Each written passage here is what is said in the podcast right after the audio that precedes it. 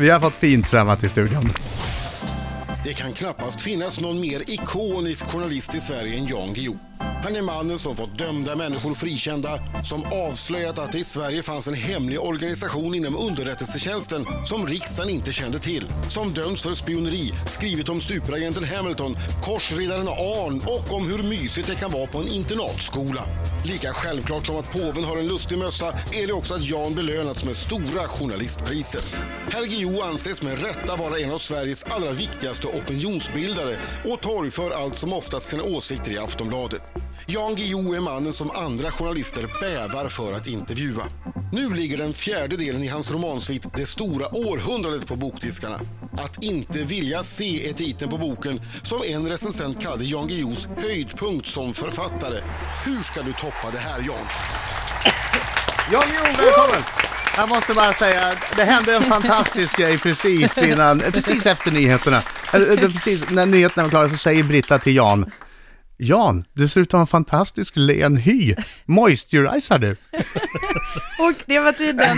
Ja, det där sista hörde jag inte för att jag blev så chockad av inledningen. Men du har aldrig... Det var första gången på länge som du fick en fråga du aldrig har fått förut, eller? Jag har aldrig fått en fråga förut, eh, i princip. Men den här gången var det garanterat sant. Så svara då, moisturiserar du? Jag vet inte vad det är. Smörjer men, du eh, in dig med fuktkräm? Fuktkräm i, ansiktet, inget du använder. Nej, nej. Nej, men det är bra Alltså man gener. kör väl lera från träskmarker och sånt. Ja, men lera är, jätte, lera är jättebra Ja, för. Ja. Jan Guillou, du börjar låta mer och mer som Leif GW Persson för varje dag som går. Vad säger du om det uttalandet? Jag blir så jävla trött alltså. Fan, det är väl ändå inte möjligt. Det måste ju finnas intellektuella kvaliteter också, ett sånt här jävla radioprogram. Låt mig presentera bevis ett. Nej, jag har bara ett bevis, så att det är det enda. Eh, från eh, Go'kvälls lördagsintervju med dig. De är hemma eh, hos dig, där du sitter och skriver och du, eh, du är lite mosig. Lite... Så här, så här lät det. Bästa korrekturet så brukar man vara så trött på det man har gjort att man tvivlar mer på det än, Här. än gillar det. Men det här är... eh, Det här är en stor roman och det bästa som jag har skrivit i hela mitt liv. Va, Hörde ni pauserna? Det var Ja, Leif GW Och pratar otroligt mycket likt. utandningen. Ja, och så... Ja, hark, harklet. Ja, jag var tydligen djupt tagen där, men, men eh, det är jag ju inte i vanliga fall. Så. Nej. Men är det den bästa roman du har skrivit? Eh, Brobyggarna, ja, det tycker jag. Men alltså min, min uppfattning är inte viktigare än någon annans på den punkten. Men jag, jag har aldrig utsett någon bok tidigare till det här är den bästa jag skrivit. Men den där tycker jag är det. Varför? Därför att den är, alltså den gapar över så mycket. Det, det, det, det är en, det är en 1800-talsroman i den meningen att det, det är ett väldigt stort berättarfält. Och då är det många saker att hålla reda på. kallar du alla, alla böcker i serien för en roman? Ja. För det är ju nu fjärde boken som kommer, äh, Att inte vilja se. Men det är samma roman menar du? Alltså, ja, nej, det är samma berättelse Ja. eh, naturligtvis eftersom det handlar om en familj som sen dör och föryngrar sig och dör och föryngrar sig. Det gör de ju verkligen. Jag tycker den är fant- fantastiskt bra den där. Eh, jag har läst senaste boken, den är också mycket bra. Jag älskar att du har delar av en nyckelroman i de här. Ja, du menar kän- kändisar och sånt som dyker Nej upp, men eller? låt mig, ja precis. Eh, I en tidigare bok var det Madame Terror som var en rysk ubåtsbesättning som alla hade namn från ett gammalt eh, sovjetiskt eh, A-landslag i ishockey. Jaha. Ja, just det. Du tillhör de få som såg det. Det beroende på, ja, det kanske inte är så att ishockeyfansen läser så mycket romaner. Men Och i den här boken, i den här boken så eh, lånar de vin av Karl Gerhard. ja, fast det sägs aldrig att det är Gerhard. Nej men utan- det är sånt jag gillar att lista Ja, ja. ut. Eh, har du andra sådana här som ingen har upptäckt?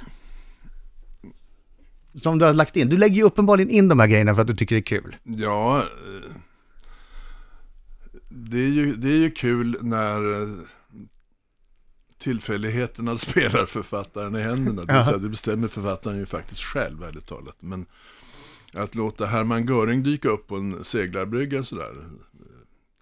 Eh, var, var ett sånt exempel som roade mig väldigt. För det kunde ha hänt. Ja, det skulle du kunna ha gjort.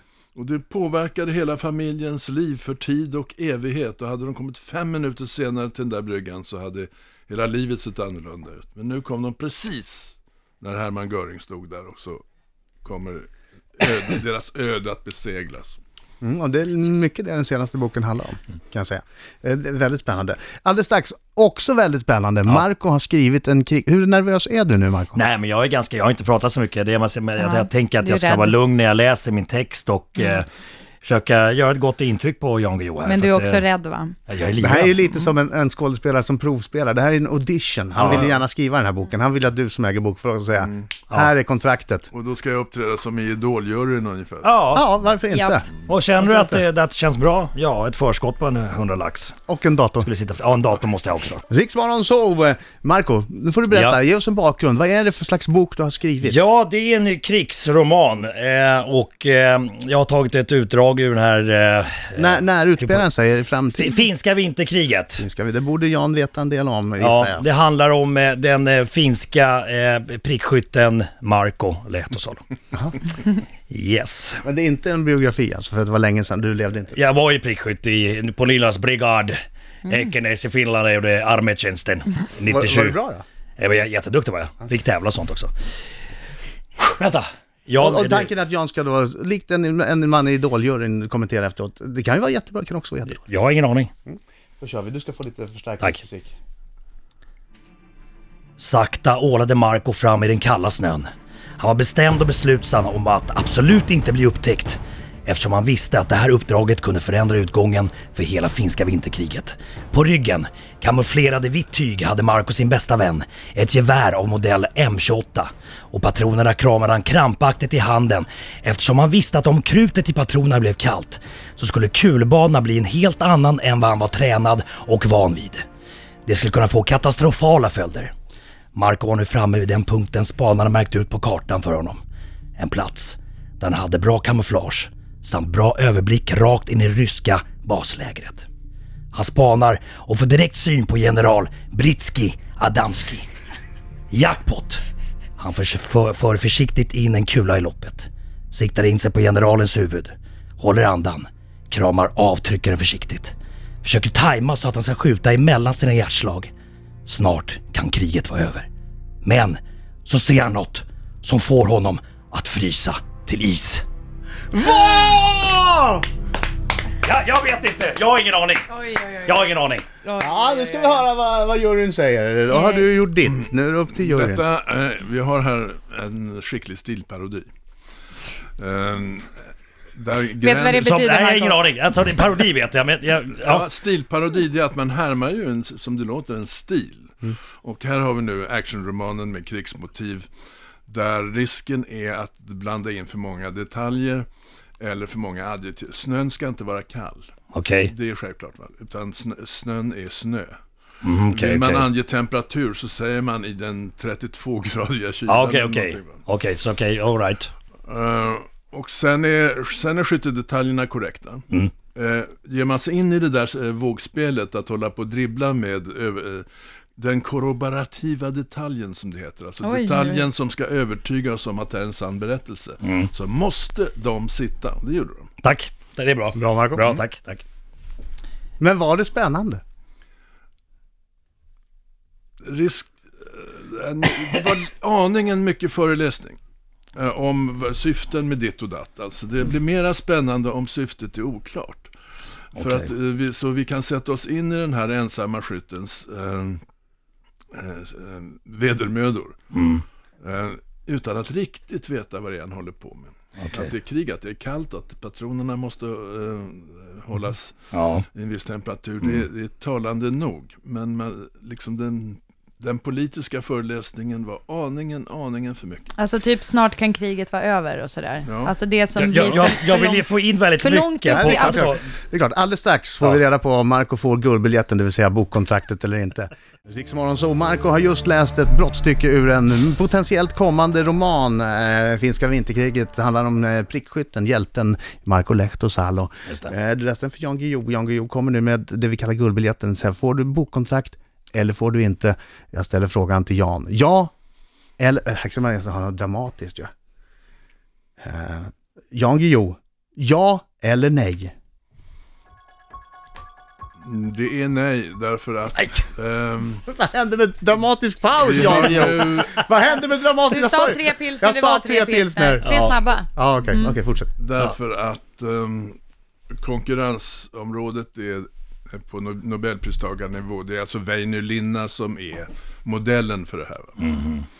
Och man, ger man sig kast med Väinö Linna så får man eh, försöka hitta ett helt annat sätt att, att, att berätta.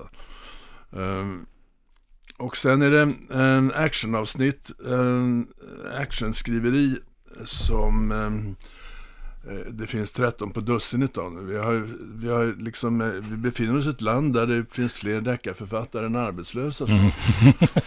Och det, det, det gör ju att konkurrensen hårdnar och man söker i så fall originalitet. Finska vinterkriget, det är originellt, ja. Så det, det är fördelen med ämnet. Nackdelen är, du är upp mot Väinö Linna. Okej. Men eh, det, är inte, det, är inte, det är som att säga att du sjunger sämre än Whitney Houston, förstår Ja, du? Det ja, är, okej. det är inte, Exakt. man Strax kan vara tvåa efter Ja, Whitney ja. Houston, det gör Okej. ingenting. Lite besviken ändå, ändå. Men det får man ju vara, såklart. Jan Guillou ska alldeles strax få svara på frågan, vilken är den största skada du har åsamkat som verkligen var ditt fel? Riksmorgon så sju minuter i nio klockan, i studion har vi Jan Guillou! Jajamän. Okej, nu, nu, är det, nu är det på riktigt här. Vad är den största skada, eller vilken är den största skada du har åsamkat någon som verkligen var ditt fel? Varsågod och svara på den. Varsågod. Ja, elefanter är ju väldigt stora. Alltså. Ja. De är lite Så det är klart att om man skjuter en elefant så är det en väldigt stor skada man då åsamkar ett väldigt stort djur. I synnerhet om den dör. Du har Ja. skjutit en elefant. Ja, En indisk eller afrikansk? afrikansk. Oj, oj, oj. Indisk tror jag inte är tillåtet. Nej, Nej jag vet inte. De är ju större, de afrikanska. Mm. De afrikanska är de, de största, va? Ja. Jag trodde de var fridlysta, men det är de inte. Det trodde jag med. Nej, alltså det- är väldigt olika. De eh, är ju tjuvjagade in i bängen eh, på grund av elfenbenet som ska gå till kineser och vietnamesiska Potensmedel, va? snidare. Nej, det är noshörningshornen tyvärr. Ja, Och man kan ge sig på, noshörningar är värre därför att där är priset på noshörningshorn eh, mer än guld. Har de inte fått eh, Viagra till Kina? Det är ju det va, men förmodligen gör försäljarna så att de mal ner Viagra i noshörningspulvret och då fungerar det ju. Garanterat Ah. att noshörningspulvret är potent lä- läkemedel. Ja, ja, ja. Nej men du.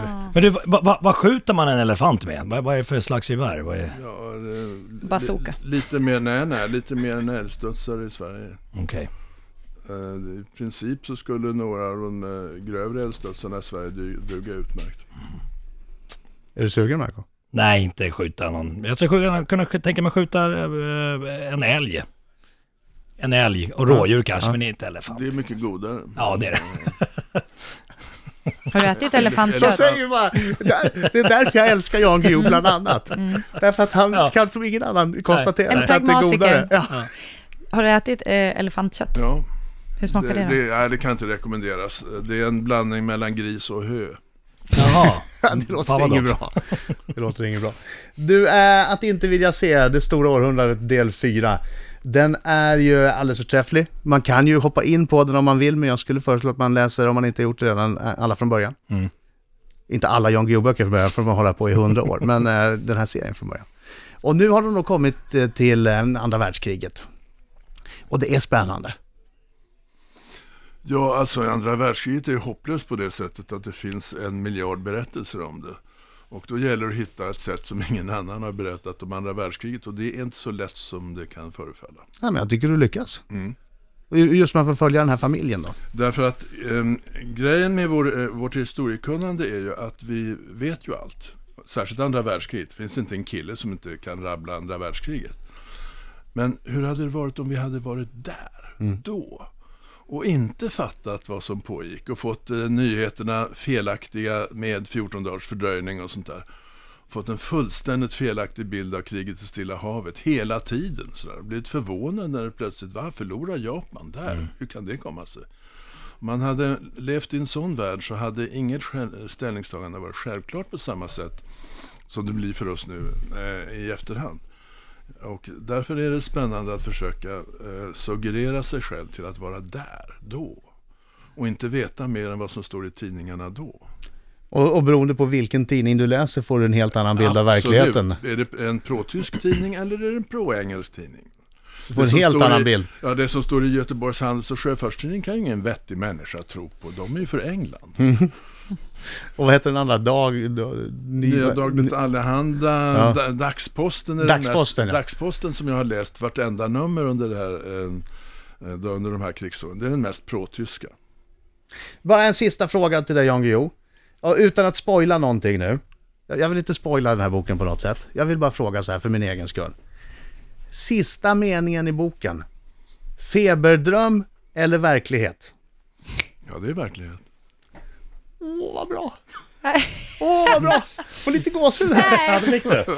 Tack så mycket Jan Guillou. Nya boken alltså Ute du att inte vilja se. Tack för att du kom hit. Tack själv. Tack. Tack, tack.